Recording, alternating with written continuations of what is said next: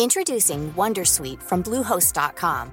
Website creation is hard, but now with Bluehost, you can answer a few simple questions about your business and get a unique WordPress website or store right away. From there, you can customize your design, colors, and content. And Bluehost automatically helps you get found in search engines like Google and Bing. From step-by-step guidance to suggested plugins, Bluehost makes WordPress wonderful for everyone. Go to bluehost.com/wondersuite. Normally, being a little extra can be a bit much, but when it comes to healthcare, it pays to be extra. And United Healthcare makes it easy with Health Protector Guard fixed indemnity insurance plans. Underwritten by Golden Rule Insurance Company, they supplement your primary plan, helping you manage out of pocket costs without the usual requirements and restrictions like deductibles and enrollment periods. So when it comes to covering your medical bills, you can feel good about being a little extra. Visit uh1.com to find the Health Protector Guard plan for you. Since 2013, Bombas has donated over 100 million socks, underwear, and t shirts to those facing homelessness. If we counted those on air, this ad would last over 1,157 days. But if we counted the time it takes to make a donation possible, it would take just a few clicks. Because every time you make a purchase, Bombas donates an item to someone who needs it. Go to bombas.com slash ACAST and use code ACAST for 20% off your first purchase. That's bombas.com slash ACAST, code ACAST. Den här veckan presenteras Market Makers av inga mindre än Ikea. Och det här, Fabian, ligger mig varmt om hjärtat. Eh, det var ju några år sedan nu, men då var jag faktiskt med och inredde kontor till företaget jag drev. Men vi, och vi körde faktiskt i princip uteslutande möbler från Ikea, med kök och hela rubbet. Eh, och som nog alla vet, varför väljer man Ikea? Jo, för att det står för hög kvalitet, snygg design och fantastiska priser. Ja, jag sitter i en kontorsstol nu från eh, Ikea och jag vet ju att många finansexperter där ute gillar att köpa de här Herman Miller-stolarna för, och går de för 5 till 10 000. Och jag har ju själv suttit i sådana och jag tycker den här stolen från Ikea, den är minst lika bra om inte bättre, men liksom en tiondel av priset. Ja, jag håller med. Och jag sitter med ett Ikea-skrivbord faktiskt, höj och sänkbart, som är fantastiskt bra. Det enda som var synd när jag inredde kontor, det var att då hade inte Ikea lanserat sitt lojalitetsprogram för företag. Men nu har de gjort det.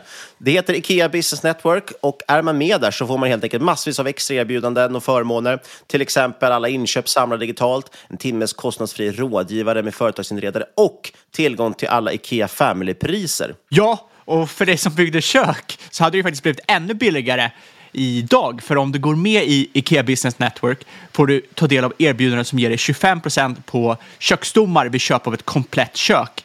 Och den rabatten hade ju sparat dig många, många tusenlappar. Verkligen. Och du som lyssnar, du har ju chansen att ta del av det här. Om du går in på ikea.se företag så kan du läsa mer om vad Ikea kan erbjuda för just ditt företag och du kan gå med i deras lojalitetsprogram Ikea Business Network. Vi säger stort tack till Ikea. I don't need a lot of brains in this business. I mean, I've always said if you got an IQ of 160, give away 30 points to somebody else because you don't need it in investments. What you do need is emotional stability. Wow. Very first tech IPO, and it's a big one. Stock market hit an all-time record high today. A crash is coming. Now, whether it's six months from now, 12 months, 36 months, no one knows. There's a bear market about every five years. We've gone eight years without one. People have to realize this is the biggest IPO ever.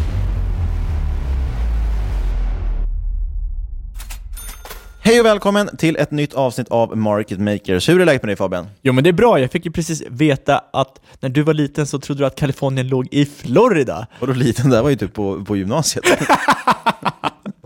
det är faktiskt värre än så.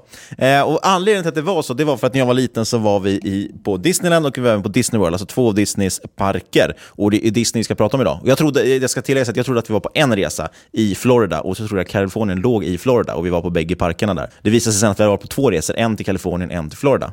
För övrigt måste ju Disney World, eller Disneyland, vart man nu har varit, vara bland en av de coolaste grejerna man kan göra när man är liten. Eller när man är vuxen. Jag har aldrig varit där som vuxen, så jag kan inte uttala mig, men eh, Ja, det är ja, faktiskt, det är åkt dit igen. Precis. Det är man faktiskt blir väldigt- stämplad som pedofil om man åkte dit som vuxen man själv. Överlag är det jävligt kul att, att gå på nöjesparker. Och, eh, det finns väldigt grymma nöjesparker i Tyskland. Det är väl det närmsta målet om man vill ha budgetresa. Annars drar man till Orlando och så kör Är det man hela här paketet. uh, Tomorrow World, eller Tomorrowland? Ja, det tror jag är en technofestival. Ja, det är så. Det är så. Ja. Men någonting man kan gå på om man inte vill lägga pengarna på nöjesparker, det är att man kan gå in på borsdata.se, det vill säga börsdata. En trevlig tjänst. Ja, nej, men vi använder den till exempel i dagens avsnitt. Precis. Vi har ju ett samarbete med dem och eh, vi vill bara nämna att vi tar de flesta siffrorna därifrån, speciellt när det gäller nyckeltal och sådana saker. Däremot givetvis plockar vi ut omsättning och sånt, oftast kanske via årsrapporter och så vidare. Ja, och han George, han är en hårt slitande man, så han uppskattar ju att ni Kika på tjänsten. Exakt. Framförallt är det kul att vi börjat leka med deras nya API som de håller på att lansera också. Men strunt samma. George, du säger att han jobbar hårt. Den 16 april 2019 klockan 18 till 21, då kommer han inte jobba hårt för då kommer han stå i Motala och tillsammans Och med aktiespararna... bira! Nej. Nej, det tror jag faktiskt inte. Utan tillsammans med aktiespararna Motala Vadstena, eh, tillsammans med oss, tillsammans med Kvalitetsaktiepodden. Det blir ett skönt Östergötlands gäng som erbjuder på ett Östergötlands häng. Eh, det är en konkurrent till Gällivare-hänget. Den fick, jag tyckte jag fick till den. Ja, jo, jo. Visst, okej. Eh, I alla fall, det är ett event där med Aktiespararna Motala Vadstena. Vi kommer lägga en länk till det i avsnittsbeskrivningen. Det kan man anmäla sig till. Det kommer säkert vara superroligt. Det finns platser kvar, kostar typ en halv hundring att gå på det. Och ska, kanske ska hoppa in på dagens analys direkt. Men vi ska slänga in en snabb disclaimer som vi ska börja göra i början av avsnittet också. För att förtydliga verkligen, vad är det vi håller på med? Jo, det är inte rådgivning. Det är inte heller rekommendationer. Absolut inget av dem. Och vi berättar bara om vår process och hur vi tänker när vi gör dem. Vi råder er att alltid göra er egna analys och absolut inte lyssna på oss. Vi är bara några fåntrattar i en podcast. Som sagt, vi ska prata om Netflix, höll jag på att säga idag. Vi ska prata om Disney, men det kommer att prata om Netflix också. Men innan vi hoppar in på det vill vi säga någonting kort om bolaget Härnö Gin AB. Det är ett onoterat bolag. De tillverkar gin som man kan tänka sig. Eh, det är som sagt onoterat, så inte för intressant egentligen för er att höra om, eller för oss kanske ens att, prata om. Men anledningen till att vi vill nämna det är för att vi har köpt en post i det bolaget till eh, vår portfölj då, helt enkelt. Och därför känner vi ändå att någonstans vill vi ändå säga något ord om det, spendera någon minut på det, berätta lite om det och bara, jag vet inte, vi vill vara transparenta helt enkelt med vad vi har i vår, portfölj. Och det kan nämnas också att jag har ju köpt, jag köpte ju via senast nyemission. Eh, nu har vi kommit över ett block aktier då via en mäklare och därför köpt in både till poddens portfölj, men även jag har ökat lite och du har faktiskt också köpt in lite. Så vi har ju, Ja, det, vi det var hemligt hörru. Det var hemligt. Var det hemligt? Nej. Okej, så vi är fullsmetade nu med Härnö-aktier. Och därför tänkte vi bara... jag Det kommer bli jätte- jäkligt pinsamt när de går i konkurs. Så är det. Så bara kort, kort, kort, kort prata lite om bolaget och förklara vårt köp. Ja, Härnö, för de som inte har koll, bildades av Jon Hillgren 2000, eller säger man John? Jag brukar säga Jon. Jag brukar också säga Jon när det stavas utan H, men det är många som säger att du talar till John. Vad vet jag? John Hillgren bildade Härnö 2012 för att tillverka gin i premiumsegmentet i Dala i Höga Kustområdet. Härnö konkurrerar om kvalitet snarare än pris. Och det här är faktiskt väldigt intressant. Och utöver ginförsäljning kommer intäkter även från den liksom starkt växande besöksnäringen på destilleriet. Och här nu, du säger att de liksom satsar på kvalitet snarare egentligen att hålla lågpris. Det är fruktansvärt god gin tycker jag. Eh, tycker jag även innan jag var aktieägare. Och eh, det, kan, det, det har ju synts också med tanke på att Härnö är faktiskt det mest prisbelönta gindestilleriet i hela Europa sedan fem år tillbaka.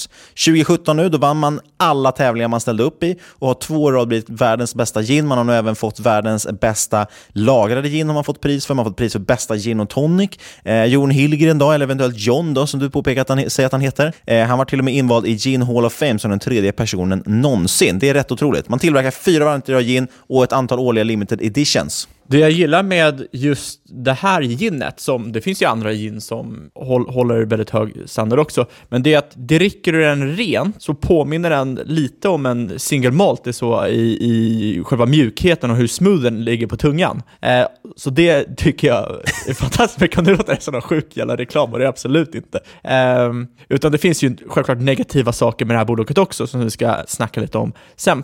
Ja, men här nu då, då det var lönsamt redan tre år efter grundandet. Det blev alltså lönsamt 2014 och det finns ju rätt stora skalfördelar i destilleriet. Det innebär att rörelsemarginalen har ökat från 3% 2014 till närmare 26% 2018 och vinsten har gått från 63 000 till eh, ja, 6,5 miljon. Och de har en, må äh, en mål, ett mål att dela ut 25% av vinsten, vilket de också har gjort de senaste tre åren. Och den viktiga, viktigaste pusselbiten här är ju själva märket. Och man har lyckats bygga upp faktiskt ett riktigt starkt märke de senaste åren eh, genom just att vinna tävlingar och genom andra aktiviteter. Eh, Premium gin är ju dessutom en högmarginalprodukt och tar bara några dagar att framställa. Om man jämför till, till exempel med whisky så blir det väldigt mycket smidigare så att man in, slipper lagra det flera år och så vidare. Eh, det är bara att kolla på Mackmyra hur det har gått för dem. Det är svårt att få ihop finanserna där. 2017 producerar man ungefär 100 000 halvlitersflaskor, vilket ligger rätt långt under produktionstaket på 400 000 flaskor. Eh, och det som är intressant kan också nämnas, bara ta upp jämfört med whisky. Vi pratade med Per Börjesson från Spiltan förra veckan, som har då aktier i Mackmyra, som jag nämnde. Eh, en annan har han det? Ja, Aha, okay. en annan intressant, eller jag tolkade det så i alla fall. Jag, jag tolkar inte så. Jag tolkade det så. Ja, jag har ingen eh, aning. Jag men eh, ja, väldigt lite aktier i alla fall tror jag. Men eh, ja, vi, vi lämnar det där då kanske, att han har aktier där. Eh, vad skulle jag säga? Jo, det är lite intressant då, för whisky har ju väldigt mycket tydligare så att det ska vara från Skottland eller Irland eventuellt och kanske från USA om du ska ha hårdrockswhisky. Eh, Medan gin då har många sagt att ah, det där kommer folk inte, det kommer inte funka med svensk gin. Alla tyckte att Jon var helt galen som skulle lansera den. Eh, gin ska ju liksom vara brittiskt. Men det är faktiskt jätteintressant att det finns inte riktigt den där liksom, landslojaliteten. Ett annat jättepopulärt ginmärke är ju Hendrix till exempel, som också är uppbyggt på ett sätt att folk fått för sig att varumärket är superetablerat, men jag får mig att det lanserades runt millennieskiftet någon gång. Det är en ganska ny produkt som idag ses som att det är något som alltid har funnits. Liksom. Allt handlar om hur man paketerar, hur man säljer in det och framförallt hur det smakar. Men då är ju den stora frågan egentligen hur mycket Härnö kan växa. För de flesta vet ju att ja, det är lite, det är en premiumprodukt med en eh, premiumprislapp, i alla fall på aktiekursen. Men Härnös alltså försäljning på Systembolaget 2017 stod endast för 2% av den totala försäljningen. Och det kommer öka, eller ja, det har ju ökat under 2018, då Härnö utgör standardsortimentet. Och gränshandeln är också väldigt intressant. Man har lyckats göra avtal med bland annat Tallik Silja och Birka Ekerö. Och man Ekerö om jag får be. Ah. Det är jäkla skillnad, jag är, jag är född på Ekerö. Inte Ekerö. Okej då. Och eh, vart var jag nu? Men jo, man jobbar ju väldigt hårt för att liksom, få tag i de här travel retail-hållplatserna, som till exempel flygplatser. Och starkare turistnäring innebär ju rätt stor sannolikhet för starkare tillväxt även för Härnö. Och vi pratade om marginalen, den ökar. Det är jätte, jätteintressant för att tillväxten för helårsrapporten 2018 låg på plus 60 procent. Rejäl alltså omsättningstillväxt. Men tack vare den, extre extrem, den, tack vare den förbättrade marginalen fullkomligt exploderar ju vinsten med hela 107 procent. Det är rätt intressant. Det är där får man verkligen tydligt det här med skalfördelarna. Exakt, och du nämnde ju att de har fått en massa olika priser. Under våren 2018 blev Härnö utnämnd till världens bästa gin av World Gin Awards. Så check på liksom, det här man ska köpa varumärken och liknande som vi, som vi faktiskt snackade mycket om med han Spiltan-killen, höll jag på att säga, med Per Börjesson förra veckan. Eh, och sen stor exportframgång i Storbritannien tack vare en ny distributör. Och det kan man ju liksom lite tacka för dubblandet av försäljningen. Sen har ju exporten ännu större fokus nu när finska börsbolaget alltid har klivit in och tar över för Norden och Baltikum. Precis. Eh, kan nämnas där förresten, om någon springer till systemet och ska köpa den här så är det ju alltså, man har ju den här blåa flaskan i originalet, det är ju den som bara heter här nu, gin. Eh, det som är intressant är att nu börjar den som heter Old Tom, det vill säga den vita flaskan med en liten katt på, den har ju börjat komma in i fler och fler sortiment, eller fler och fler systembolag. Och det är faktiskt den som vinner den här World Gin Awards. Det är alltså det som är världens bästa gin. Eh, så ser ni den vita flaskan så ta den, den är faktiskt snäppet godare. Man har i alla fall en stor kassa. Det här beror på att man har gjort nyemissioner istället för att ta lån, så man är i princip helt skuldfria. Eh, kassan har ökat från 2,5 miljoner till 8,3 miljoner på ett år. Eh, och en liten del av det kommer från nyemissionen i våras. Då. Eh, man kommer använda det till att bygga av eh, det här besökscentrumet, bygga ut det, man kommer bygga ut kontor. Eh, men man ser också att, att det ändå här nu väldigt tydligt genererar stort kassaflöde. Så framgent kan, ska det bli intressant att se om de verkligen behöver göra fler nyemissioner. Och vi kan också nämna att vi då ungefär har köpt för 20% av portföljen. Anledningen till att vi gjort det, det är helt enkelt för att eh, ja, det är inte helt lätt att få tag på aktierna. Och när man då ger sig tillfälle så valde vi att ta en, en ganska stor position. Eh, och sen var det också, portföljen är inte så mycket pengar. Och så tänkte vi så här... Vi in våra sponsorintäkter där, så i dagsläget är den ju inte jättestor. så då tycker vi att det är bättre att äh, lägga de pengarna, för det egentligen blir inte så stora pengar. Ja, det, man, man fick, det är svårt att värdera onoterat och ja, det är någonting vi fick höra förra veckan av Per Börjesson. Men vi, eh, du har ju slängt upp ett ark eh, som Man kan, man, jag tror du kanske kan länka den i avsnittsbeskrivningen. Ja, den Så kommer kan- ligga där. Det ligger publikt på ditt Google Drive eller Google Så kan man, Sheets kan man kolla liksom multiplar och liknande. Men eftersom det är väldigt svårt att värdera så har vi, vi har gjort en väldigt enkel värdering vad vi tror det kan växa, vad det måste växa för att det ska vara intressant. Och eh, helt enkelt, anledningen vi tog 20% av portföljen är för att annars kanske det inte ens är värt det. Nej, precis. Det, det blir ändå inga pengar i slutändan då om det inte eh, är åtminstone en lite betydande del av portföljen. Eh, vi sa ju också att 20% är väl det maximala vi vill lägga i ett bolag. Eh, det jag tycker är intressant med att värdera onoterat är att det är svårt att komma från det här börstänket. Jag vet för sig inte om det är så mycket börstänk. Man kan ju värdera onoterat på multiplar också, men eh, det blir lätt att man börjar titta på just till exempel att eh, kanske P tal till exempel, där handlas här och nu till ett P på runt 60 då, vilket låter dyrt. Eh, så slänger man in en fenomenal vinsttillväxt, så hamnar PEG-talet på runt 0,6 till samma nivå låg på 2016. Men som sagt, det svåra är att komma från man brukar titta på börsbolag, då har man lite annorlunda syn på P tal och, och den typen av saker. Man, man förväntas lite högre, man, man måste ju ha mer rabatt helt enkelt. Eh, vi har inga jättetydliga estimat, vi har dock suttit och laborerat lite med olika prognoser och siffror och tycker väl att bolaget ser rätt okej värderat ut. Ja, det är inte jättedyrt, det är inte särskilt billigt. Eh, vi räknar ju, när vi har räknat på det liksom räknar vi inte att det kommer att hålla samma höga tillväxt framöver som det har haft, men vi räknar ändå på relativt hög tillväxt. Så mattas det av så är det ju, då är, då är ju pannkaksköp för oss helt enkelt. Vi får se. vi tror ju att de kan fortsätta leverera bra tillväxt och viss fortsatt marginalexpansion. Och då troligtvis kan man motivera prislappen. Precis, men nu ska vi hoppa in på Disney. Men vi ville som sagt bara redovisa ändå att vi har gjort ett köp i portföljen. Kanske ge lite insikt också hur vi eh, gör när vi utvärderar varumärken. Fabian, vad tänker du på när du hör ordet Disney? Jag tänker på Musse Pigg. Vad tänker du på? Jag tänker på det här skämtet i Family Guy tror jag, när de tinar upp Walt Disney och så frågar han, för de har fryst ner honom, och så frågar han, är judarna kvar? Och då säger de, ja det är de, frys ner mig igen. Ja, ja! Och, Walt, Disney i alla fall, lite mörk historia, men vi ska försöka fokusera på det han har gjort bra kanske istället. Eller bolaget gör idag snarare. oh, Okej, vänta. Måste samla mig. Oh. Ja, men som sagt, säger man Disney, då kanske man tänker på Musse Pigg, Marvel eller Star Wars. Eh, helt enkelt, man tänker på hit efter hit efter hit på bio. Disney är dock extremt mycket mer. Det är faktiskt ett jättekonglomerat som bygger på fyra stora segment. Det är Media Networks, det vill säga alla kabelkanaler och allting man använder. Det är Disney Channel, det är ISPN, ESPN, Sportnätverket och så vidare. Kabel-tv, kabelpaket, ni fattar grejen. Sen har man ju Parks and Resort, alltså de här stora parkerna vi pratade om där som ligger antingen i Kalifornien eller om Kalifornien låg i Florida eller hur det var. Sen har man Studio Entertainment och det är här framförallt de här filmerna ligger. Och sen har man även konsumentprodukter och interaktiv media, det vill säga spel och leksaker framförallt. Och lunchlådor och sånt är enormt stort. Ja, det är det ju faktiskt. Och sen är det faktiskt så att Media Networks och Parks and Resorts, ja, de står ju för över 75% av intäkterna. Även om Studio Entertainment, som står för cirka 16%, växer helt klart snabbast av segmenten. Men mer om det senare. Ja, och det är det här som är så himla viktigt, för att de flesta tittar på de här stora box office-succéerna, det vill säga att man har biofilmer som levererar i fantastiska resultat, och så tror man då att Disney är en supertillväxtbolag och att det är så spännande. Och det är lite det vi ska prata om, att Disney består av väldigt mycket mer och frågan är om de delarna är värda någonting. Kanske lite som att gå in i en matbutik och köpa hela butiken för att du tycker om semlorna. Så kan det vara. Fettisdagen idag, den 5 mars. Är det då? Det är idag, så jag ska hem och äta semlor här, så vi, det är bäst vi skyndar på lite. Ska du hem och äta gröt eller någonting då?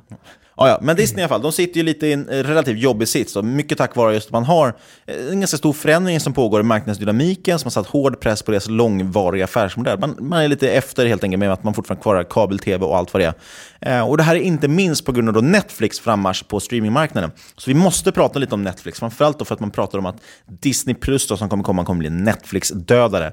Eh, 2015 då gick vd Bob Iger ut med att man tappade många av sina kabelkunder. Just i stor del för att värdekedjan förändrades och Disney tagit fel beslut om hur de ska hantera. Man har stått kvar i det gamla och inte anpassat sig till det nya. Ja, exakt. Disney, de sticker inte under stol med att de varit rätt dåliga på att ta till sig ny teknologi. Man licensierade content till Netflix eftersom man såg det som ytterligare en distributionskanal för ens content. Men man tog ju faktiskt inte hänsyn till att Netflix skulle bli en direkt konkurrent till kabel-tv. Det blev helt enkelt så att man hamnade helt felpositionerad för framtiden. Och det här har inte minst speglats i aktiepriser som de senaste tre åren har stått i stort sett flat. Eller som jag läste rubriken någonstans att the Disney stock has been frozen. För att motverka det har man dock tagit till rätt drastiska metoder nu. Ja, exakt. Under 2018 så är det nog inte många som undgått att Disney köpte upp konkurrenten 21st Century Fox och affären förväntas genomföras under H1 2019. Vet du vad den typen av problemlösning kallas på branschspråk? Vad kallas det? Kasta pengar på problemet. Ja, exakt. Och eh, jag kanske inte är det största fanet av den här taktiken när det kommer till väldigt stora företag. Vi fick ju se nyligen hur det gått för Kraft Heinz. Det är rätt svårt att få ihop två, två större företag och samköra med varandra och det finns rätt mycket rubriker ute om man kollar runt. Men i alla fall, det som uppköpet av 21st Century Fox innebär är att det ger en mängd nya tv-kanaler, licensrättigheter och ytterligare 30% av streamingtjänsten Hulu, där Disney i dagsläget redan äger 30%. Och som vi förklarade innan så utgör den här traditionella tv-segmenten den största delen av Disneys omsättning och utgörs av diverse uppköp från kabeleran. Eh, och när det enda sättet att få ett stort urval av content var liksom att köpa kabelpaket som innehöll då flertalet olika kanaler, då var det en väldigt framgångsrik modell. Eh, det här inkluderar då bland annat sportkanalen ESPN som jag nämnde tidigare. Eh, det inkluderar även A och E, Lifetime med flera. Många kanaler som inte riktigt finns i Sverige, men som är, har varit rätt stora och kända i USA för ja, de som använder kabel-tv där. ESPN, eller ESPN har dock, eh, vad det var nu, 120 miljoner tittare någonting sånt eh, internationellt. Så det är stort så, men i Sverige är det väl inte jättemånga som kollar på det. Däremot Disney Channel känns ju, känner ju många till. Så är det ju. Och utöver förvärvet av 21st Century Fox, vi kanske bara ska kalla det Fox här efter, tar så lång tid att säga annars, så sitter ju även Disney och finslipar på det som många kallar för Netflix-dödaren, Disney+. Plus. Disney Plus ska vara ett serie och filmbibliotek från eh, Disney, Pixar, Marvel och Lucasfilm. Mm, och det är rätt lätt att bli lite våt i byxan när man hör den line-upen. Eh, men det som är intressant är ju att se hur de tänker förändra sin affärsmodell för att positionera sig för, inför framtiden. Och för att göra det tänkte vi faktiskt kika lite närmare på just Disney Plus och ett annat bolag som verkar inom streaming, nämligen Netflix. Exakt, och anledningen är ju för att som du sa, de har ju den här gammelkabel-tvn, utgör fortfarande en väldigt stor del av deras intäkter. Sen har de ju de här äh, nya filmerna som är, liksom, de slår hårt på bio. Kan, man, kan de kombinera det här på något sätt för att digitalisera sitt företag helt enkelt? Och det är ju oerhört populärt att klaga på Netflix katalog, i alla fall här i Sverige. Jag vet inte hur det ser ut utomlands. Jag tror att man har ju ett bättre utbud, liksom, framförallt i USA. Då. Men i Sverige är det väldigt vanligt. Jag har varit skyldig till det också. Jag tror att det är en sån här grej som McDonalds. Alla klagar på äh, att käka på Donken, men folk gör det ändå klockan tre på natten. Så är det. Jag betalar för mitt Netflix-abonnemang och sen gnäller jag att det inte finns någonting att se där. Eh, men så fort HBO och Disney fått igång sin streaming-service, då säger man att då kommer Netflix liksom försvinna. Men det har de inte gjort. Netflix ligger kvar, trots att HBO faktiskt är ganska duktiga och även Disney nu är på gång. Ja, Disney har ju trots allt sjuk mängd IPs, eller så kallade intellectual properties. Som, de har ju klassiska Disney-karaktärer som Musse Pigg, Kalle Anka, eh, Janne Långben. har ju Pixar, Marvel, de har Star Wars och när köpet av Fox går igenom, ja då kanske vi till och med får se en Avengers vs X-Men-film. Det var ju faktiskt så att det varit något. Marvel sålde ju rättigheterna till X-Men till Fox för några år sedan. Början på 2000-talet, för Marvel höll på att gå i konkurs. Och det var väl också så att man sålde Spiderman och det är därför Spiderman inte kunnat kommit in i Avengers förrän nu när man har köpt in rättigheterna. Sålde även Deadpool och det är därför Deadpool görs av Fox och inte av Marvel. Och det här blir en liten foreshadowing kanske att det är kanske inte portföljen som spelar roll, utan det är management bakom. Så är det. Eh, du nämnde Jan Långben där. Det man kommer fråga sig dock efter man gjort upp den här striden om licensintäkter, det är vem som blir kvar med Svarte Petter. Men då kanske man kan säga så här. Är Netflix körda? Nja, kanske inte. Och vi ska gå in på varför. För de som hävdar att Netflix är körda, eh, tack vare till exempel att de har en dålig katalog och Disney Plus kommer sluta om, eller HBO kommer sluta om, eller via Play har jag också hört ska sluta om. De som hävdar det, de ser bara det som finns på skärmen. En hemsida med ett gäng filmer. Men öppnar man upp huven, som man brukar göra på sin Cadillac, så kunde det inte två vara mer annorlunda. När det kommer till företag kommer differentieringen av affärsmodeller påverka, ja, ibland mer än vad många kanske tror. Och det är detta vi ska gå in på nu när vi kollar på just hur Netflix opererar jämfört med hur Disney opererar. Men då måste du först dra en liten genomgång för oss Fabian. Det finns någonting inom product management som kallas för aggregation theory. Eh... Ja, exakt. Det är någonting som jag har hört talas för eh, Eh, för första gången av en kille som heter Ben Thompson, driver en grej som heter Strategy. Och det är väl ett ekonomiskt eh, koncept som är sjukt intressant. Vi snackade om det i avsnittet om Spotify. Ansamlingsteori kan man kalla det.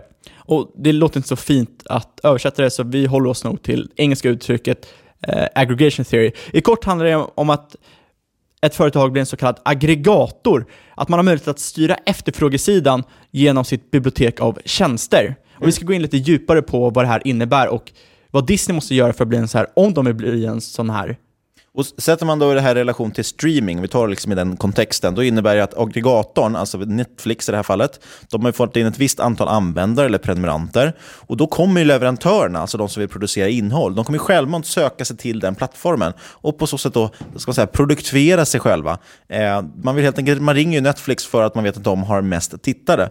Och det innehåll som nu produceras kommer locka till sig ännu fler användare. Det kommer då locka till sig i sin tur fler leverantörer och eh, innehållsskapare som ringer Netflix igen då. Och det här innebär då att kundförvärvskostnaden minskar över tid. Så man blir mer och mer attraktiv tjänst, vilket drar in mer och mer kunder, vilket gör att man blir mer och mer attraktiv tjänst. Det är helt enkelt en positiv feedback-loop. Exakt, och det är kanske är lite svårt att konceptualisera i början, så man kan ju liksom det är väldigt likt den här nätverksteorin om, om till exempel Facebook, att desto fler som använder det, desto mer intressant blir det att använda. Det är en liknande grej, fast den fungerar lite, lite annorlunda. Exakt, och vi kan jämföra med, eller liksom kolla på hur det funkade för filmen Bird Box, som var en superhit i julas. Sågs av cirka 58% av Netflix-prenumeranter under dess första månad på Netflix. Såg du den? Jag har faktiskt inte sett den. Inte jag heller. Eh, skulle antalet tittare slås ut på biosäten och kostnaden för biobiljetter, då skulle Bird Box faktiskt hamna på topp 10-listan över största biointäkter någonsin.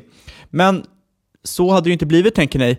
Folk kollade i Bird Box för att de redan hade Netflix. Och det hade ju inte varit lika många som hade gått och sett den om den hade varit på bio istället. Nej, det är helt sant. Med tanke på att jag inte ens tittar på den trots att den ligger på Netflix som jag betalar för, så hade jag absolut inte gått och sett den på bio. Och det här bara på, vad heter det, ger ju verkligen en poäng till vad, vad styrkan är att bli en sån här aggregator. Eh, för det här som är hela liksom, aggregeringsteorin, eller vad man vill kalla ansamlingsteorin. Eh, många såg ju filmen just för att den finns tillgänglig gratis på en streamingtjänst som du redan betalar för. Det vore som att du hade en prenumeration på biobesök. Då hade du också gått och sett den kanske. Eh, för prenumeranter innebär Birdbox två timmar med underhållning som troligtvis gärna ser eftersom många andra redan sett den, har redan betalt för den och så vidare. Det är en extremt liten investering. Exakt, och det, som, det är antagligen många som förstår det. Det som är intressant när man kollar på potentiella kunder och marginalkunden, som vi ska komma in på sen. För potentiella kunder, ja, då innebär det ju att Netflix ser relativt mer attraktivt ut ur en prissynvinkel om de vill se Birdbox. Kostnaden för en månad Netflix är ju trots allt bara vad en biobiljett kostar. Så vill man bara se filmen så förlorar man inte mycket mer på att köpa en månad helt enkelt, än om man hade gått på bio eller whatever. Det drar alltså ned Netflix kundförvärvskostnad eftersom Birdbox fungerar som en marknadsföring för plattformen. Sist men inte minst så ger Birdbox då den här marginalkunden ytterligare en anledning att stanna kvar på plattformen. En marginalkund är alltså en kund som uppvisar onormalt hög risk att säga upp sitt abonnemang. Någon som ligger och pendlar där mellan liv och död. Eh, det minskar alltså Netflix kostnad för att behålla en kund och fungerar då också som en driftskostnad. Man kan alltså slå ut produktionskostnaden på en massa olika ställen. Exakt. Så för en aggregator så minskar kundförvärvskostnaden över tid och marginalkunder attraheras på grund av mer content från allt större del leverantörer. Och detta ger aggregatorer en winner take all-effekt. Värdet för användare från en aggregator ökar kontinuerligt, vilket gör det allt svårare över tid för konkurrenter att vinna över kunder. Så för varje år Disney väntar med att lansera Disney+, Plus Say hello to a new era of mental health care. Cerebral is here to help you achieve your mental wellness goals with professional therapy and medication management support. 100% online. You'll experience the all new Cerebral Way, an innovative approach to mental wellness designed around you. You'll get a personalized treatment plan from a therapist, prescriber, or both in a safe and judgment free space. Your cerebral therapist or prescriber will outline a customized plan with clear milestones along the way so you can get to feeling your best. With Cerebral, you're not alone in your mental health journey. We're here to empower you to live a fulfilling life. So take that first step towards a brighter future and sign up today at cerebral.com slash podcast and use code ACAST to get 15% off your first month. Offer only valid on monthly plans. Other exclusions may apply. Offer ends July 31st, 2024. See site for details. Ryan Reynolds here from Mint Mobile. With the price of just about everything going up during inflation, we thought we'd bring our prices down. So to help us, we brought in a reverse auctioneer, which is apparently a thing. Mint Mobile unlimited premium wireless. Ready to get 30, 30, bit to get 30, bit to get 20, 20, 20, bit to get 20, 20, bit to get 15, 15, 15, 15 just 15 bucks a month. So, Give it a try at mintmobile.com slash switch. $45 upfront for three months plus taxes and fees. Promo for new customers for limited time. Unlimited more than 40 gigabytes per month. Slows. Full terms at mintmobile.com. Introducing Wondersuite from Bluehost.com. Website creation is hard, but now with Bluehost, you can answer a few simple questions about your business and get a unique WordPress website or store right away. From there, you can customize your design, colors, and content. And Bluehost automatically helps you get found in search engines like Google and Bing. From step-by-step guidance to suggested plugins, Bluehost makes WordPress wonderful for everyone. Go to bluehost.com/wondersuite.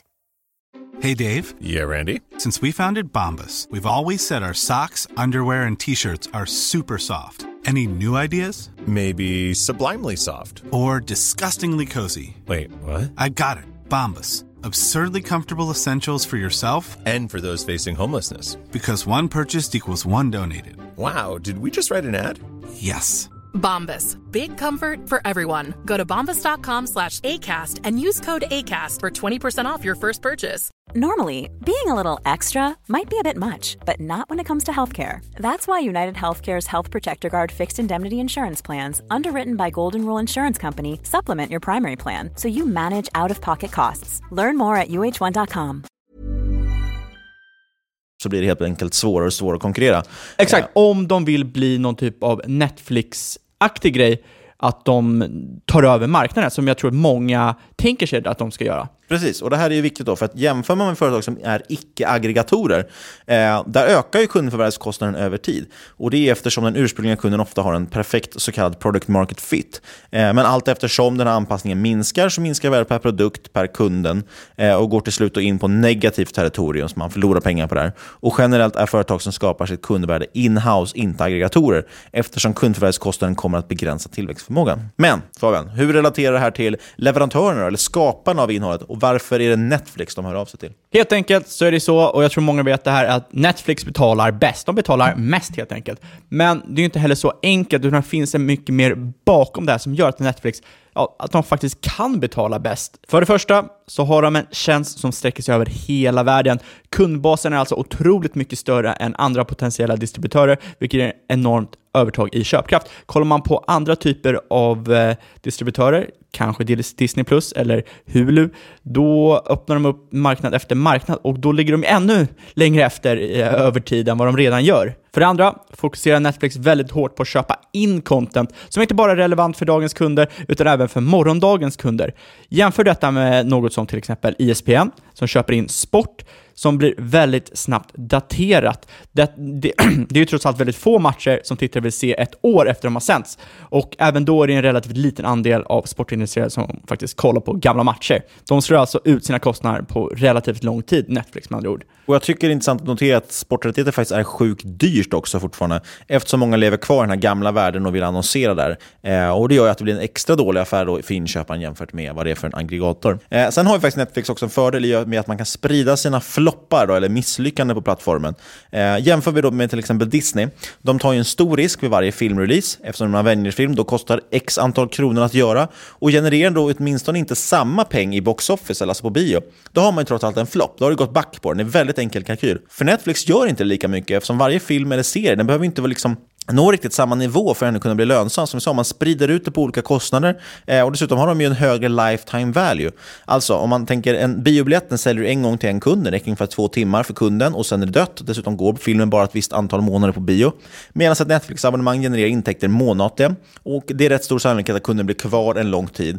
Eh, plus då som sagt att Filmen kommer visas där för evigt och locka in ännu fler kunder, blir en reklampelare. Eh, det innebär att Netflix då risk jämfört med traditionella distributörer är mycket mer vridet mot uppsidan, eh, vilket också rationerar att man betalar högre för sitt innehåll. Ja, exakt. Sen finns det ju två andra anledningar till varför skapare slash leverantörer väljer Netflix. Det första, creative control, och det tror jag många har koll på. Netflix ger sina skapare fria tyglar om så krävs. Men nummer två är ju allt mer intressant och ännu mer viktigt och är ju en grundsten i det här kallat aggregator theory och det är att Netflix själva kan dra en publik. Bird Box, den marknadsfördes eh, i verkligheten eh, på reklampelare och så vidare, men anledningen till varför det blev en sån hit, att det var så många som kollade på den, det var i grund och botten för att det fanns tillgänglig på Netflix. Som sagt, Netflix drar leverantörer, som drar kunder, som drar leverantörer och så vidare i en loop. Precis. Och det var aggregatorteori, då, eller aggregator theory. Nu förstår ni hur det funkar och hur kraftfullt det är i streamingvärlden. Eh, den här teorin då, den påverkar egentligen hela Netflix affärsmodell, eller rättare sagt kanske affärsmodeller. Eh, för Netflix har ju nämligen flera olika affärsmodeller, vilket är lite annorlunda mot andra distributörer. Exakt, de har ju serier de helt äger, serier som de har rättigheter att vara de, till exempel, de första att visa. De har hybridrättigheter, så till exempel har Netflix 140 serier som förra året lanserades på en inhemsk eh, tv-kanal först, men direkt lanserades på Netflix för internationella tittare. Better Call Saul är väl en, eh, ett exempel på det.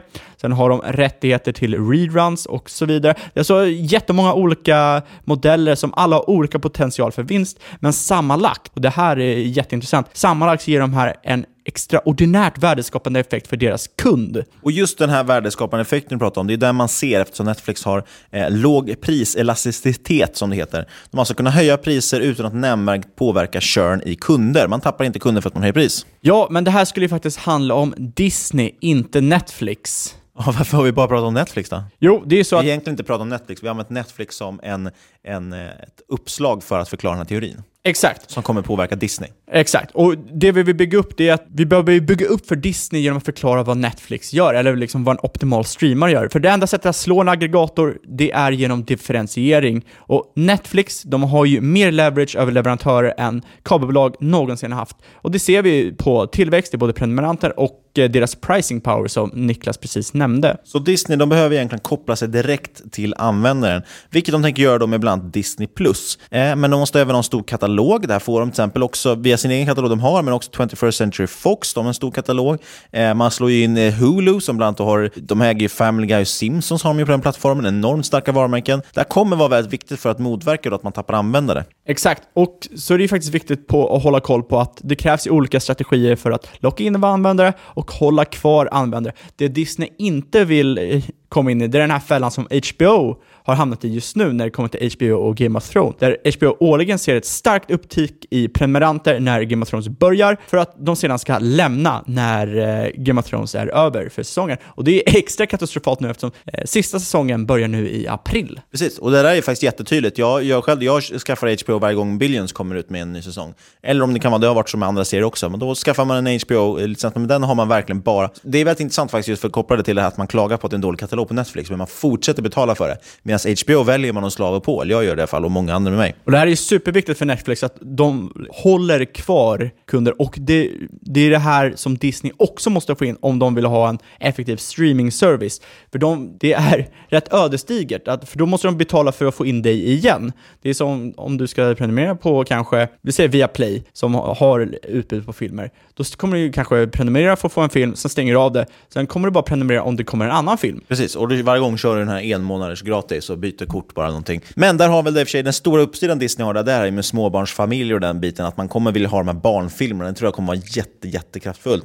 Samtidigt å andra sidan så har ju Netflix massa sånt bra material också. Det är ju inte bara Disney som dominerar, även om Pixar-filmerna är väldigt bra. Exakt, det, det som man kanske ska säga är att det, det är inte så att det kommer floppa. Absolut inte, det kommer ha jättemånga kunder. Däremot, om du ska få en typ av eh, vin, liksom, Samma typ av hävstång som Netflix har. Samma typ hävstång, men också vinstutveckling. i längden kunna dra liksom, vinst på sin streaming, då måste du ha en rätt stor kundmassa. Eller ändra på din affärsmodell. Och det ska vi gå in på senare. Precis. Sen ska tilläggas då, vi pratar med 21st Century Fox, pratar vi om. det uppköpet är inte helt klart, men vi kommer få se hur det påverkar företaget i längden rent regulatoriskt. Det är alltid svårt att slå upp två stora bolag. Det vi vet i alla fall är att både Disney och Fox är grymma på att skapa värdefullt innehåll.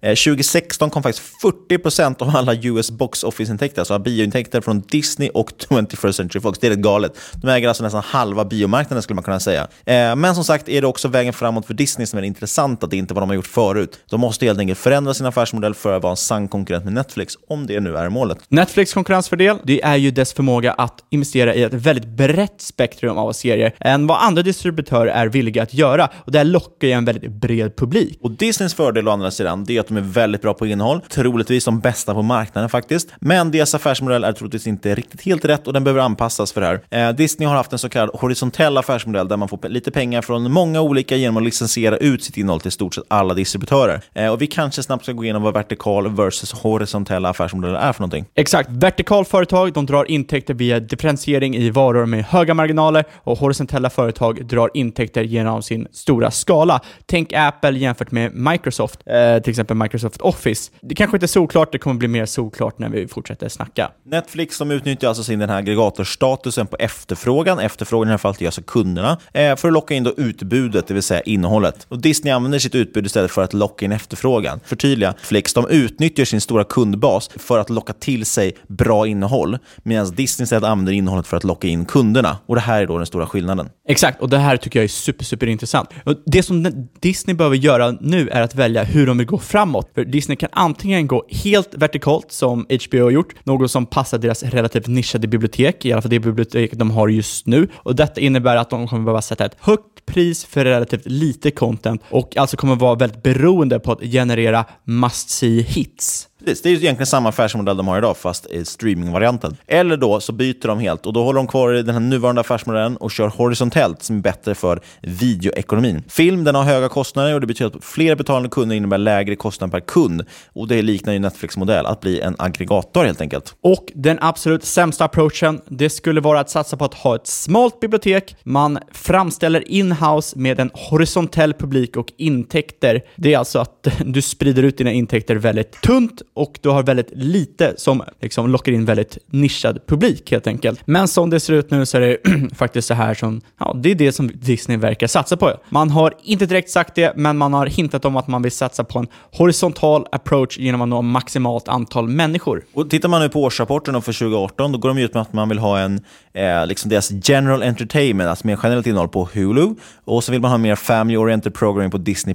Man kan också leverera att man släpper ju ESPN-streamingtjänsten, tanken också. Man väljer alltså till och med att bryta upp då sin relativt smala portfölj, ändå, i alla fall jämfört med Netflix, på tre enskilda tjänster. Man kommer ha sport, man kommer ha allmän underhållning och sen kommer man ha familjeunderhållning. Här är ju lite farligt. Och jag, jag hoppas i alla fall att man åtminstone kanske erbjuder de här i samma prenumeration på något sätt, så man får hela biblioteket. Eh, liknande kanske en uppdelning nu som YouTube gjorde nyligen när man lanserade YouTube Kids vid sidan av vanliga YouTube. Eller kanske som Netflix då när de har, de har ju faktiskt speciella barnkonton helt enkelt. Så det vore bättre att ha en Disney-tjänst där man låste ner visst innehåll då om man vill ha det barnanpassat. Det är lite motgående det här att skilja de här streamingtjänsterna åt. För vill man nå maximalt med människor, då vill man ju liksom producera maximalt med content och bygga en väldigt bred mix av content, inte särskilja dem. Och det är helt enkelt så att Disney, de är alldeles för rädda om sitt varumärke för att våga ta ut svängarna, vilket eh, säkert skulle locka in, eller det säkert kommer locka in många familjer, men det kommer ju aldrig göra Disney Plus eller Hulu till en sann konkurrent till Netflix så länge de liksom inte vågar köra på samma taktik som Netflix gör. känns som en klassisk klassiskt misstag. att Man har legat efter tekniken för länge. Man har många stora ägare kanske som sitter och kräver att ni måste skapa en streamingtjänst, ni måste slå ut Netflix. Då gör man det, men man vågar inte ta ut svängarna, man vågar inte satsa att man gör exakt samma som man gjort, fast i en ny, lite sämre form. Man har ju möjlighet att konkurrera med Netflix, men som det verkar just nu är de inte beredda att ändra affärsmodellen för att konkurrera med Netflix. Man vill hålla kvar en gammal föråldrad modell och det här bör faktiskt jämföras med hur Microsoft, de tog ju faktiskt språnget och helt ändrade sin modell från att sälja liksom enskilda program till att gå över till prenumerationslösningar. Gjorde en hel omvändning. Svårt för Disney nu, det är att de kanske har rätt affärsmodell, men de måste i så fall våga släppa kontrollen, släppa sargen för sitt content för att locka fram en bredare publik. Eftersom annars kommer man vara inlåst med en nischad publik med en suboptimal affärsmodell. Och det här är kanske varför Netflix inte anser Disney som en konkurrent. Eh, större konkurrent enligt Netflix själva, det är ju Fortnite. Eller som eh, faktiskt Reed Hastings sa 2017, det vill säga innan Fortnite var så stort som då, så sa han att sömn är Netflix största konkurrent. Det är ganska intressant ändå. Väldigt intressant. Men vi har pratat jättemycket om den här grejen. Vi sa ju till och med i början att det här är inte så stor del av Disney. Eh, så jag vet inte ens varför jag har lagt så mycket tid på det. Men det är extremt intressant, hela, hela dynamiken bakom. Och det förklarar väldigt mycket saker. Det, det jag tycker är att en väldigt stor del av Netflix är ju, eller inte Netflix, av Disney, är ju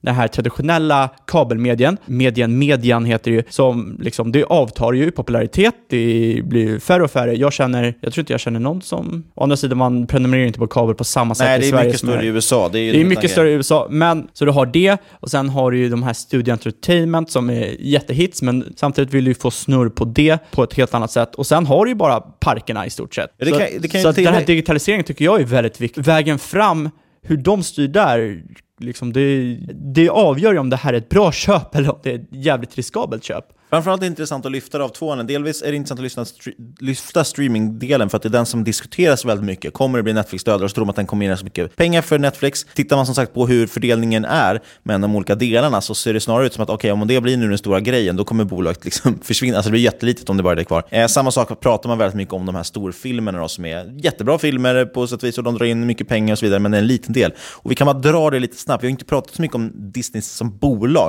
men jag antar att de flesta ändå känner till hur det funkar rätt mycket. Och då kan man titta på Media Networks, alltså vill kabeldelen, och de är mellan 40-50% procent beroende på om man kollar på omsättningen i rörelseresultat, det vill säga halva bolaget är egentligen där. Eh, sen har man parkerna, det är ungefär en tredjedel sett i omsättning och rörelse. Studio Entertainment, alltså de här filmerna, det är bara 15% eh, av det här. Och Consumer Products och Interactive Media, det vill säga det här slasket på slutet, det är ungefär 10%. Då. Eh, jag vet inte, ska vi nämna någonting fort? Cirka 200 000 anställda har man. Eh, jag tror inte att alla, det är, liksom, det är lite fler än de som är med i Avengers. Och eh, bolaget är snart 100 år gammalt. Det grundades nämligen 1923. Det är lite imponerande i alla fall. Absolut, det är ett gammalt fint bolag. Men Men man det kanske växer inte ändå så ganska stabilt. hyfsat. Man växer ändå ganska hyfsat. Det får Ja, man det säga. gör vi absolut. Omsättningen för Disney har i snitt växt 6%. Hör ni det? 6 hela procent year on year de senaste fem åren. Och under 2018 såg vi faktiskt en starkare tillväxt på närmare 8 procent. Och det här drevs ju av väldigt stark tillväxt i Parks and Resorts, alltså de här äh, theme parksen, samt Studio Entertainment-segmenten. Äh, och det är ju inte någon äh, liksom, konstigheter om man har liksom hängt med i svängarna. Vi vet ju alla att nya Avengers-filmen var ju en liksom, jättestor hit. Black Panther blev nominerad till eh, var det, sju Oscar. Svensk som skrev musiken, en Linköpingsbo dessutom. han vann ju en Oscar nu också för någon musik. Ludvig, heter han Sven för Göransson? Ja, gud, nu kommer jag inte ihåg det bara för det, men däremot att han skrev musiken till New Girl också. Han skrev också, har du sett Community? Nej, det har jag inte gjort. Ah, synd. Ska vi rabbla fler serier vi har sett och inte sett?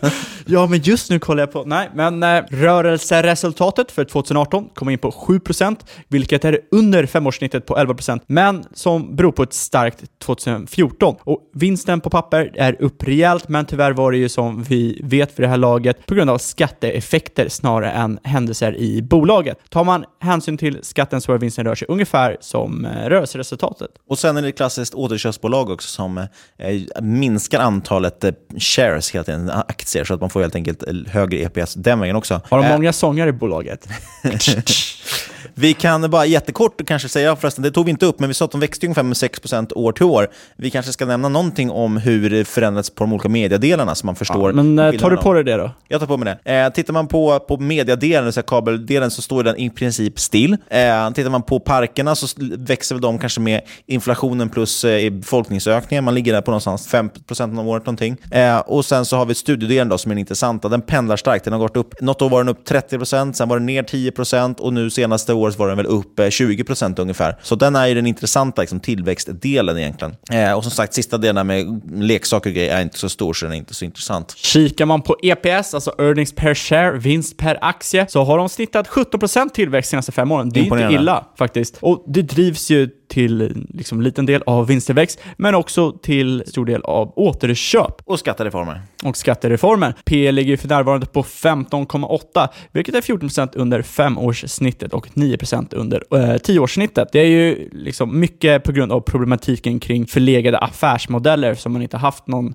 eh, multipel expansion senaste året som många andra bolag har har. ESPN varit en riktig surdeg där också som det har varit mycket diskussioner kring hur man ska tjäna pengar på egentligen. Ja, allmänt har det väl varit liksom skräcken kring kabel-tv som har, eh, ja, eftersom Disney inte lyckas lösa det här så ser ju, ja, det gör ju att bolaget ser ju väldigt billigt ut relativt sin egna historiska värdering. Och där tror jag att många lurar sig själv. Då tittar man på det så tycker man det ser ganska billigt ut. Det är ett kvalitetsbolag, snart 100 år gammalt och så vidare. Och så vidare. Och så har man den här enorma liksom, imponerande tillväxtsaga med de här fantastiska filmerna och så småningom en Netflix-dödare. Och det är därför vi fokuserar så mycket på dem, för de är så små delar eh, och de kommer antagligen, tycker vi i alla fall, ser inte ut som att de kommer liksom rädda det här. Så då blir helt plötsligt sitter man där egentligen med ett ett kabelbolag, kabel-tv-bolag. PEG-talet då, det här eh, vinsttillväxten då, ligger för närvarande på cirka 1,8 om man tar hänsyn till skatteeffekter, men det här är ju knappast ett tillväxtbolag, så jag vet inte hur intressant det är. Den ligger på 0,7 då, om man inte tar hänsyn till de här skatteeffekterna. Direktavkastningen är på 1,5%. den skulle man kunna tycka var lite högre. Samtidigt har man en utdelningsandel på 23,2% ungefär. Eh, inte riktigt något för utdelningsjägarna, men å andra sidan har man ju ökat den utdelningen och man utdelar ju bara ut ungefär en tredjedel av kassaflödet, vilket det finns ju, verkar ju finnas möjligheter att höja det här över tid. Return on equity, alltså avkastning på eget kapital, ligger på runt 20 procent. Det är imponerande. Eh, det har vi gjort de senaste två åren, vilket är någon procent över femårssnittet. Och det är ju rätt trevligt att ha så hög ROE. Ja, sen går vi in på skulder. Kortfristiga och långfristiga skulder, de har ju växt rätt substantiellt de senaste åren, vilket är, ja, det är väl förståeligt. Disney behöver göra massor med investeringar för att överleva. Och efter uppköpet av eh, 21st Century Fox, nej, vi skulle ju bara säga Fox nu, men det gjorde jag inte, så det blev ju ännu längre. Efter uppköpet är avklarat så kommer utstående skulder uppgå till cirka 40 miljarder dollar med en årlig ränta på cirka 2 miljarder dollar. Det är alltså 3% av omsättningen. Och för att ta hänsyn till eh, de här skulderna så kan vi nämna att EV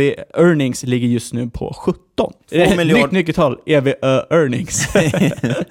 Det är alltså enterprise value, och fast vi tar det på vinsten istället för någon ebitda eller något sånt tjafs. Eh, räntekostnaden hör du på 2 miljarder dollar. Jag undrar hur många svenska hushåll som hade klarat det på bolånet? Nej, men det är väl de flesta, eller? det är det de har i sina kalkyler kanske. Men okej, men vad säger vi? What What is the verdict? Ja, det positiva är väl att de har en extremt intressant portfölj. Det är, alltså det är verkligen det är de starkaste varumärkena i filmbranschen. Och speciellt nu med Fox, då, som vi sa, 40% av amerikanska biomarknaden. Det ser nog ganska likt ut i de flesta andra länder, i väst i alla fall. Eh, det skulle kunna skapa en stor konkurrensfördel inom sitt segment. Det stärkas ännu mer nu med uppköpet av Fox, då det kommer vara en så kallad juggernaut. Det var en fin X-Men-referens där. Eller Spiderman, va? Nej, det är X-Men. Jag, jag, jag, vill, ju- jag vill ju mediekom- faktiskt säga att The Juggernaut eh, och alla Marvel-figurer, de hoppar ju mellan olika serietidningar, så att du kan ju läsa Juggernaut i både Spindelmannen och X-Men. Tur. Tur att jag fick till det då, att Ja. jag sa två rätt. Ja, men det är i alla fall det här kabel-tv och, och även parken, och det är där man drar in en stor del av sina stålar, så det är väldigt viktigt. Ja, och eh, Parks and Resorts, det kommer ju fortsatt vara troligtvis en väldigt viktig del av bolaget. Jag har rätt svårt att tro att folk helt plötsligt kommer sluta tycka om äh, theme parks. Folk går ju fortfarande på Gröna Lund till exempel. Och de är ju, man får ändå säga att de är världsbäst på parker också. Alltså en av de Ja, bästa. men det är de absolut. Det här, alltså jag tror att för många ses det här som en sidoattraktion. Man tar inte hänsyn till det. Man tänker att det är, en, ja, det är någon liten skitgrej. Mm. Men De det här, är, det, här, det här är ju nästan hälften av deras intäkter kommer från parker. Och eh, det är ju inte direkt någon tillväxtmaskin, men man kanske kan se det som en kassaflödesmaskin. He- Som helhet då? Eh, som helhet så innebär bolaget just nu väldigt stora risker faktiskt, tycker jag, för aktieägarna. Det är en portfölj med väldigt många bra märken, men det betyder ju ingenting om bolaget dras ned av andra segment. Entertainment Studios utgör trots allt en relativt liten del av omsättningen och vinst, även om det växer snabbast. Och man har ju sett det här tidigare. Marvel, eh, alla känner till Marvel, alla växte upp med Spindelmannen, men Marvel höll ju på att gå i konken också innan liksom eh, de började sälja av sina karaktärer och whatever. Så Ja, att, och går det tillräckligt illa för den här streamingtjänsten, då kanske det är till och med så att man vill avyttra de här äh, rättigheterna för att man inte riktigt får, äh, får snurr på det längre, och då kanske man säljer dem till Netflix. Det skulle vara intressant. Eh, vi har ju förresten inte ens nämnt hela liksom, hotet från e-sport när det gäller ESPN och de här sportkanalerna. Eh, bara det är ju ett avsnitt i sig egentligen. Eh, man gör också tunga investeringar samtidigt som man genomför återköp och delar ut pengar. Det är lite konstigt tycker jag när man lånar ihop pengar. Då. Eh, mycket till följd då att man just av avstannar organisk tillväxt så känner man sig nödgad att låna pengar och investera. Eh, och det är väldigt viktigt att man får avkastning på de här uppköpen, framförallt det här av Fox då, som är ett jätteuppköp. Eh, man måste få avkastning på Disney Plus för att kunna styra ut den rätt, även på Hulu och även på ESPN. Eh, det kommer ta tid, det är inget liksom som går över natt och det är inte riktigt som att man kan sitta och plocka utdelning då medan man väntar. Det, det, det blir lite halvtråkigt. Ja, och som vi nämnde förut, det här med de här stora, eh, de här stora, superstora uppköpen som Fox är och som vi såg med Kraft Heinz och liknande. Det är otroligt svårt att slå ihop två sådana bolag. Och jag tror inte att det är för att du får något särskilt aktieägarvärde. Jag tror att det är för att du, to corner the market, för att säga så. Eh, vi får se, om, men vi får se. Time will tell. Men även om Disney Plus är en stor hit så är det ju faktiskt inte garanterat att de kommer gå med vinst. Och i alla fall inte de första åren. Hulu, som eh, Disney äger 30% och snart 60% av, de går ju fortfarande med förlust, även om Bob Iger eller Iger, eller hur det uttalas, säger att de siktar på att gå med vinst snart. Det är ju så, det har varit svårt för Netflix också att visa vinst, eller framförallt att generera något substantiellt kassaflöde. Det är inte en helt lätt bransch där, det bygger ju på, precis som med Spotify också för den del, som tog lång tid innan de visade vinst. Det handlar om att bygga en extrem kundbas innan det börjar generera några pengar.